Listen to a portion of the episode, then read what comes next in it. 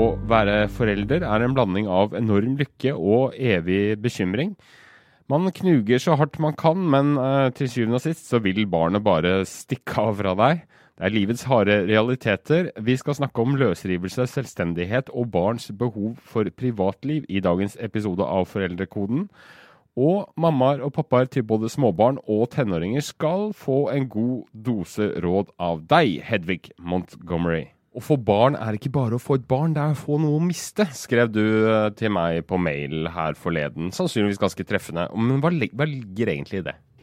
Jo, altså du tenker jo at uh, når du får barn Deg vil jeg beskytte mot alt vondt. Det er det første du tenker. De aller fleste av oss, i hvert fall. Uh, det du tenker, det er at uh, jeg skal alltid være hos deg, jeg skal alltid holde deg, jeg skal alltid beskytte deg. Men så viser det seg jo at disse barna trenger å lage sitt eget liv. De trenger å leke små hemmelige leker under trappa, de trenger å gå alene til og fra skolen. De trenger å begynne å prøve seg ute på fest med venner. Det er så mange steg i disse 20-årene hvor du oppdrar barna, hvor de trenger å få lov til å finne seg selv i møte med jevnaldrende, hvor de trenger å finne seg selv når de gjør som de selv vil, eh, og hvor du ikke skal stå og henge over dem. Eh, og det høres lett ut, men det er det virkelig ikke. Fordi du er jo redd for hva som skal skje. Derfor er det også et sånn slags gjennomgangstema i uh, foreldremagiserien uh, din også. Hvorfor er dette her så veldig vanskelig, da? Jeg tror altså det har skjedd noen ting. Det ene er at frykt er jo vår sterkeste følelse. Den blokkerer allting annet. Og når vi blir redde for at det skal være noe med barna våre, så er det vanskelig å tenke på noen ting annet enn det som kan gå galt. Jeg tror nesten alle har opplevd det. At uh, du uh, venter uh, barnet ditt hjem, eller at du tror at du vet hvor barnet ditt er, og så plutselig så er det borte. den frykten som treffer deg, er så kraftfull at du er villig til å gjøre mye for å unngå den. Og den andre er at vi har mer ressurser i våre dager til å være med barna, til å overvåke dem, til å passe på dem. Og det er veldig mye fint i det at vi har mer ressurser for hvert barn vi får, at vi har mer tid til å være med dem og passe på dem. Men når vi lukker de mulighetene de har til å finne seg selv eh, på egen hånd, samtidig så viser det seg at det ikke er så fint allikevel. Vi skal ta for oss eh, spennet og den balansekunsten, kan man kanskje kalle det. Det er mellom å holde nært og slippe fri i denne episoden her fra vugge til myndighetsalder, kan vi kanskje si. Og så skal du få tips da, til hvordan du skal navigere. Vi er straks tilbake. Hedvig Montgomery, la oss gå helt ned til, til det lille barnet først. Hva er det som skjer når et nytt barn kommer til verden med oss? Ja, ikke sant. Det er jo ganske rart, for at de første ukene med en nyfødt, så skjønner du én ting, barn er nesten født for tidlig. Ja. Eh, for de trenger å være tett inntil og nært på absolutt hele tiden. Eh, og de første to årene faktisk med barn, så er de helt avhengig av at du ser, du forstår og du hjelper. Eh, det er en tid hvor du skal si ja, og hvor du skal la forelskelsen vokse mellom dere. Uh, og det er uh, ikke selvstendighet, det er ikke noe tema her. Det som er tema, er faktisk det motsatte. Å lage trygghet og kontakt. Ja, Av og til kunne man ønske at man var i dyreriket. Altså kuer og kalver og sånn. De klarer seg selv mye fortere. De gjør jo det. Uh, og det er klart at alle med barn i denne alderen lurer på om de noen gang skal få lov til å gå på do eller ta en dusj alene igjen. svaret på det er altså ja, men det kommer litt senere. Allerede fra toårsalderen så begynner det allikevel å skje noen ting. vi ser at barna liker å sitte ved siden av et annet barn og leke. Vi kaller det parallellek, og det er at barna liker å ha sin egen sånn lille barneboble hvor de sitter og leker. Ikke så mye sammen, for det er de ikke gode nok til verken språklig eller sosialt ennå, men de liker å være med andre barn. Uh, og de liker da også at du er rett i nærheten, gjerne to skritt unna, men faktisk to skritt unna. Så dette er den første lille tegnet på at her, eh, her, er det greit at jeg får lov til å holde på for meg, og at du er i nærheten når jeg trenger deg. Hva blir neste steg opp i, i hva skal man si, selvstendighetsaldersklassen? Ikke sant. Eh, fra tre-fireårsalderen så kommer mye sterkere evnen til å leke med andre barn, og de begynner å dele med andre barn. Dvs. Si at de begynner med rollespilllek, de begynner å ha små hemmeligheter med andre barn. De liker å gjøre ting som voksne ikke ser, bitte lite grann, men vi snakker om små, korte perioder av gangen. De liker å leke under trappa, de leker, liker å leke inne i telt, og du er utenfor. De liker å lage denne boblen av uh, vår fantasiverden, og så vil de stikke ut hodet og trekke deg inn når det trengs, og når det er nødvendig. Så de trenger rom til å lage denne boblen, og de trenger deg i nærheten, for de har veldig liten evne til å løse konflikter, til å løse problemer de kommer opp i. Så voksenbehovet er stort, men gleden over disse boblene er også stor.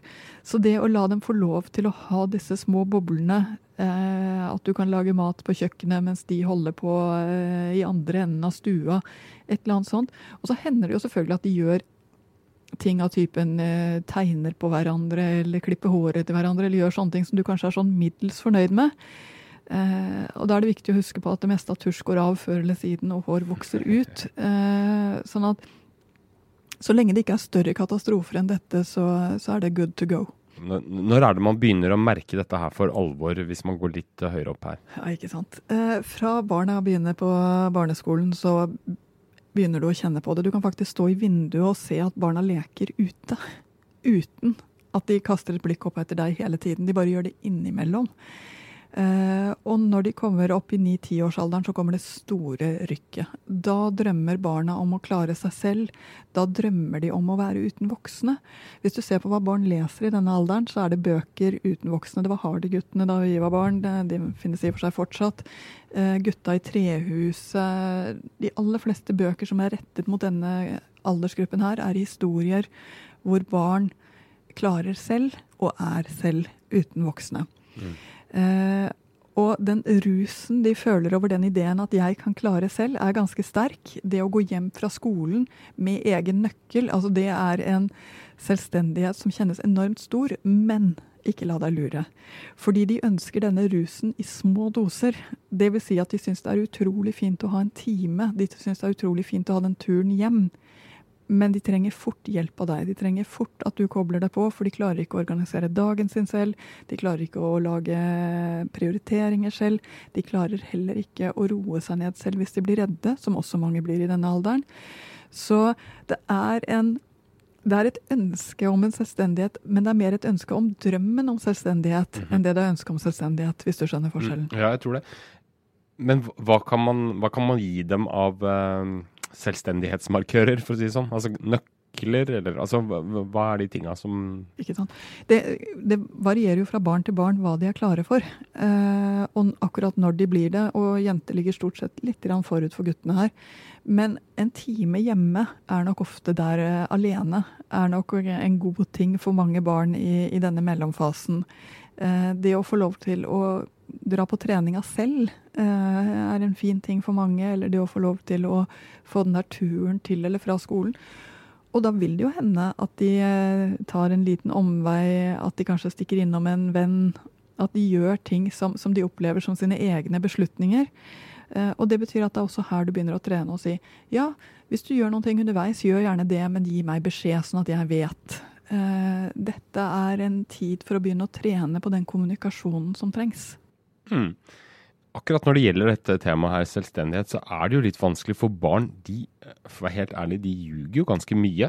Og kan man egentlig stole på dem i det hele tatt? På at de liksom gjør det du at, Ja, at de kan vandre der ute og, og gjøre det du ber dem om, og på en måte holde den balansen inne, da?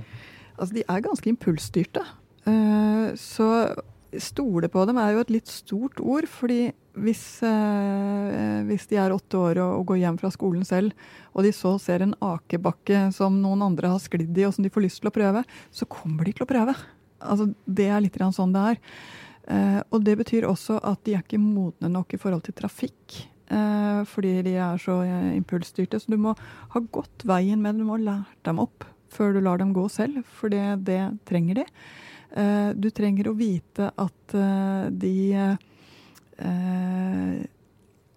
kan gjøre den type avstikkere, men det er stort sett avstikkere av denne typen som gjør at de kanskje kommer hjem litt senere, som igjen kan gjøre deg urolig.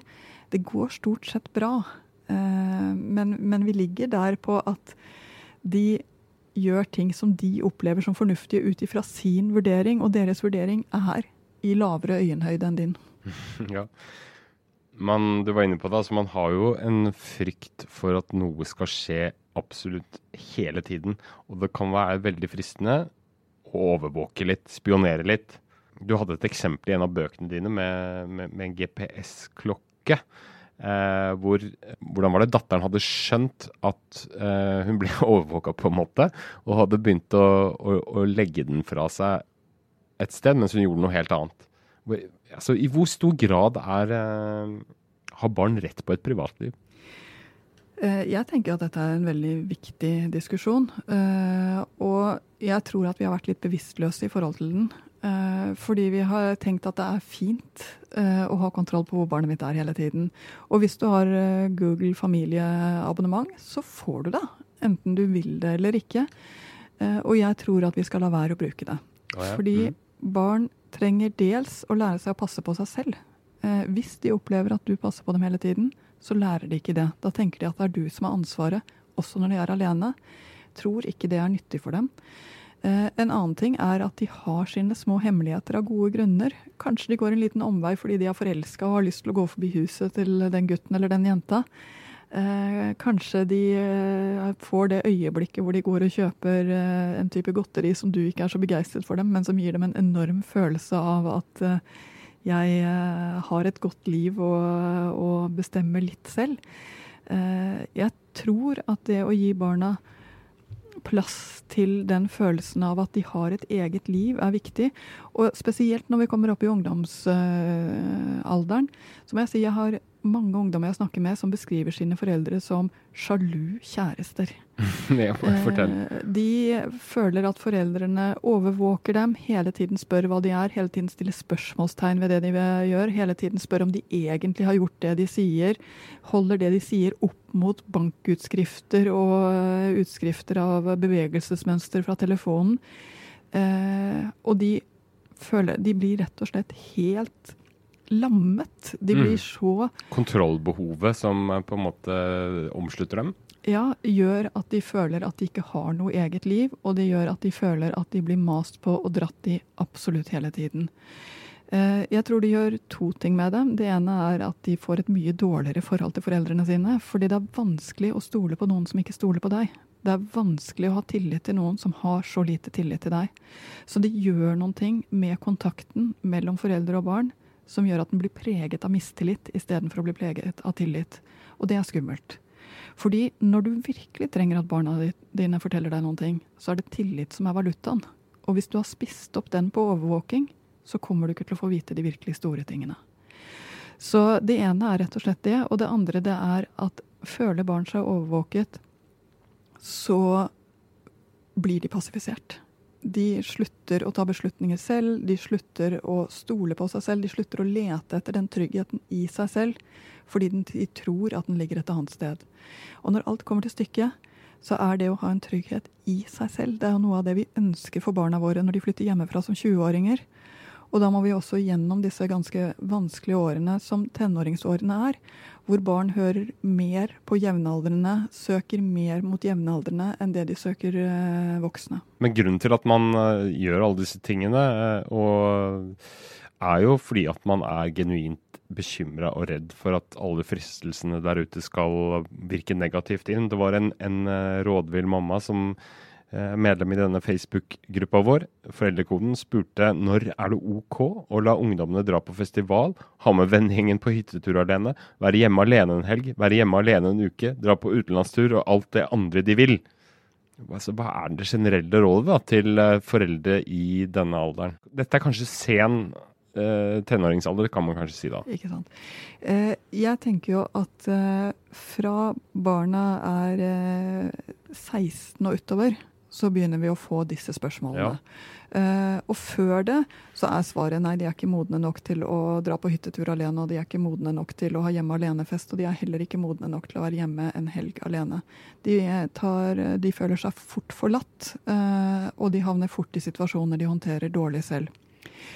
Uh, når de har begynt på, på videregående, så vil du merke at det er en stor forskjell på 16, 17, 18. For hvert år som går her, så går de et hakk videre oppover og tar eh, mer og mer beslutninger som er bra for dem selv, men helt i mål er de faktisk ikke før de er i begynnelsen av 20-årsalderen. Så seint? Altså. Så seint, altså.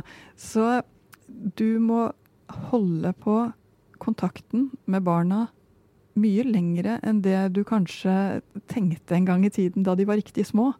Eh, du må gjøre deg tilgjengelig både for å hjelpe dem når noen ting har gått galt, og for å si at vet du hva, så lenge du bor hjemme, så eh, er reglene slik. Eh, og så stå litt for det. Å dra på altså, og, og festival, det kommer jo an på hvilken festival. Det er jo veldig stor forskjell på festivaler. Roskilde. Og Roskilde, eh, der må jeg jo si at man eh, kan jo vurdere Jeg har jo et vennepar som eh, har dratt sammen med sine tenåringsbarn, eh, og til slutt har det blitt en veldig hyggelig ting. Eh, hvor foreldrene har bodd på hotell, eh, og ungdommen har bodd på camp. Okay, altså det, det, finnes forskjellige måter å gjøre dette på som gjør at du viser at jeg skjønner at du vil på festival og jeg er i nærheten. Det finnes også måter å gjøre det på som er at noen barn takler det tidligere og bedre enn andre.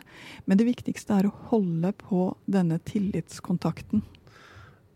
Men dette må være en veldig vanskelig balansegang, for man vil jo ikke være, eh, sannsynligvis, da, en masekjerring eller en masegubbe. Eh, samtidig så vil man ikke at de skal være for langt unna hvor, hvor, ofte skal man liksom sende SMS og høre at alt er greit? Hvor ofte skal man ringe og spørre om noe spist i dag? Og altså, de tinga der. Eh, det kommer veldig an på hva slags barn du har.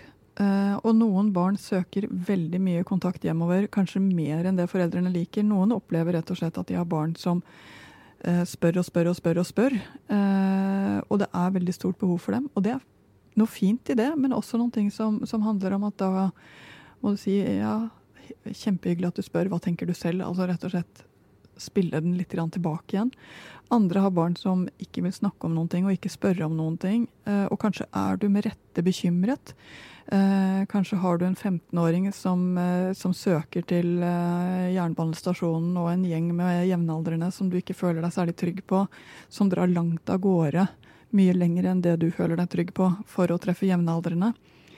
Og da må du være mer streng igjen og si at du må være hjemme til da og da. og eh, Jeg vet at det høres masete ut, men det er fordi at altså, være i samtalen og være i, i, de reglene som du setter. Ungdom som jeg treffer, sier det at de liker jo at foreldrene forteller hva som gjelder.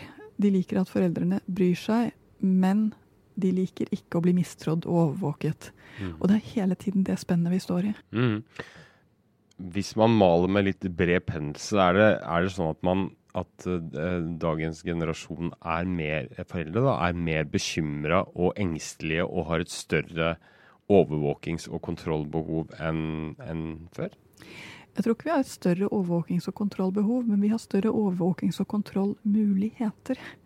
Uh, og her er det noe med å ikke la teknologien forlede en, men å huske på at i forhold mellom foreldre og barn, så er det båndet, det er kontakten, som er det viktige. Og skal du slippe et barn, så må du først ha det båndet. Det er båndet som gjør at det blir trygt å slippe. Så lurer du på dette, så er det se over. Har vi et barn som føler at her er det trøst når jeg trenger det? Har jeg et barn som kjenner at han eller hun hører til i vår familie? Klarer jeg å lage det også? Og skjønner jeg hvordan barnet mitt har det akkurat nå? Hvis svaret er ja på disse tre, så er det større frihetsgrader som er mulig. Hva er tegnet på at man har uh, sluppet opp for mye, da? For tidlig? Barn som blir sluppet for tidlig og for brått, slår seg. Dvs. Si at det kan gå riktig dårlig med dem. Så eh, når du sier til 14-åringen eh, nå kan du bestemme selv om du vil gjøre lekser eller ikke, så nå er du moden nok for det, så vil de sannsynligvis ha ganske dårlige beslutninger på det. Eh, så fortsett å interessere deg, fortsett å holde kontakten, fortsett å holde båndet i alle de 20 årene. Men husk at det du driver med langtidsprosjektet ditt, er at barn skal flytte hjemmefra og klare seg selv etter disse 20 årene. Og du begynner med denne bevegelsen allerede fra treårsalderen og oppover. Det er utrolig vanskelig greie dette. Jeg skjønner ikke Hvorfor finnes det ikke noen sånn foreldreskapsutdanning? For dette her er jo utrolig vanskelige greier. Jo da, eh, men her er det altså snakk med noen som har vært med barn før. Snakk med noen som har vært igjennom denne prosessen før. Eh, og vit at det er du som står nærmest barnet ditt også, og som vet noe om hva han eller hun trenger. Da skal vi ha dagens spørsmål.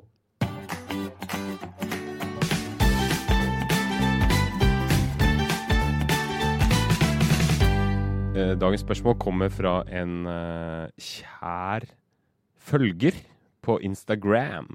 Overskriften er 'Fra tre til fire'. Altså, det hun lurer på, er hvordan forberede et barn på at et søsken kommer. eh, som kanskje kan oppfattes som en trussel eller en, eller en eh, bonus. Ikke sant. Jeg må si at det der er så rart, fordi for et barn så er det at det skal komme et søsken, er faktisk ganske meningsløst. Eh, inntil barn er der, så lurer jo det eldre barnet på hva i alle dager er vitsen med dette. Eh, og det føles ofte litt abstrakt, fordi at barna blir ofte da spurt på igjen og igjen. Å, gleder du deg til å bli storebror? Eh, det blir vel stas å få en lillesøster? Den type ting. Eh, og det har de egentlig ikke noe forhold til. Nei, det har jeg ofte lurt litt på, eller av og til lurt litt på. Hva er det de, er det de er En toåring, f.eks., som blir fortalt at nå skal du få en lillesøster. Hva, hva, hva slags begrep kan Tror han at det kommer en kopi av seg selv? At det kommer et Hva er det han tror for noe? Jeg tror de tror ganske lite. Men det du kan gjøre som virkelig hjelper, det er å vente altså når, Det blir jo synlig, da. Det kommer en mage der, og at det ligger et barn der inne, er jo helt fantastisk magisk. Og det å dele det og undres over det, korte øyeblikk av gangen, for disse barna liker å snakke om sånne ting 20 sekunder av gangen, omtrent. Eh, og lese bøker om det som viser at dette er det som skjer. Liksom, ta dem litt igjennom prosessen. Fordi dette er en familiebegivenhet. Det er ikke en ny søster som kommer, men det er en familiebegivenhet. Det blir et større oss. Og barn elsker større oss. Så her er det noen ting å spille på. Eh, og det gjør du akkurat på den måten. Eh, små ritualer som natta til lillesøster inn i magen og sånne ting funker eh, i de aller fleste familier. Og så ikke mase for mye om det. For når babyen først kommer, så er den så bitte liten. Jeg husker da vi eh, fikk vår yngste og treåringen nesten treåringen så på dette som kom inn, og alt han kunne, det var å rape. Han ble ytterst lite imponert. Han hadde jo trodd han skulle få noen ting å leke med. Så, så, det er jo ofte en skuffelse når denne babyen kommer i hus. Og det viktigste er faktisk hva du gjør da. Nemlig at du viser at det fortsatt er plass til det eldre barnet, at du viser at det er noe fint med det mindre barnet som har kommet hjem. At du viser at dere hører sammen alle fire ved at dere samles litt rundt uh, inne i teltet og, og, er sammen. Den type ting hjelper barna inn i det å være storebror eller storesøster. Så står det i sånne forberedelsesbøker at ta med storebror på uh, skifte bleie og sånn, men det er noe styr og griser. Bør man gjøre det? Jeg må bare si jeg tror det er mange situasjoner som er mer velegnet til å lage dette også enn akkurat bleieskifte.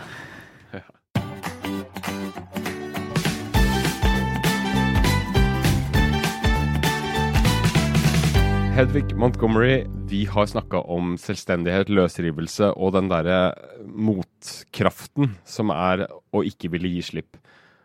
Hva er de beste rådene til foreldre for at barna skal løsrive seg på en, på en fin måte? Det første rådet er at du skal pleie kontakten med barnet ditt hele veien. Eh, det å vise at dere er familie, at dere hører sammen, og at du stoler på barnet ditt og skjønner barnet ditt, det må du gjøre før du kan slippe noen ting som helst. Det andre det er at helt fra barna er to-tre år skal du være klar over at den lille selvstendigheten som vokser frem, er en kraft som kommer til å føre mye godt med seg. Og det å se det fine i selvstendigheten, ikke bare det truende i det, vil gjøre det mye lettere for deg å heie frem det barnet du får. Hva er det man ikke bør gjøre? Det er vel to ting som er farlig. Eh, og det ene det er å si du er så stor at du, du klarer dette selv, og så komme med en altfor stor oppgave. Det gjelder både for fireåringen og for 14-åringen. Bare ett eksempel. For fireåringen så er det f.eks. nå er du så stor så du kan passe lillesøster. Eh, det er han ikke. Eh, og for 14-åringen så er det at nå er du så stor så nå kan du ta ansvar selv for skolearbeidet. Det er han ikke. Eh, det å si til 15-åringen nå er det så stor at du kan være hjemme alene en helg mens vi drar på hytta, det er han ikke. Så det er noen sånne som handler om å overvurdere barnet sitt og slippe det for tidlig ut ifra at du trenger det, som er unyttig. Og så er det selvfølgelig det motsatte. Å overvåke barnet ditt sånn at det ikke får noe plass til å utvikle seg selv. Da lar vi det være siste ord. Vi takker for at du hørte på, og håper vi høres igjen neste uke. Ha det bra.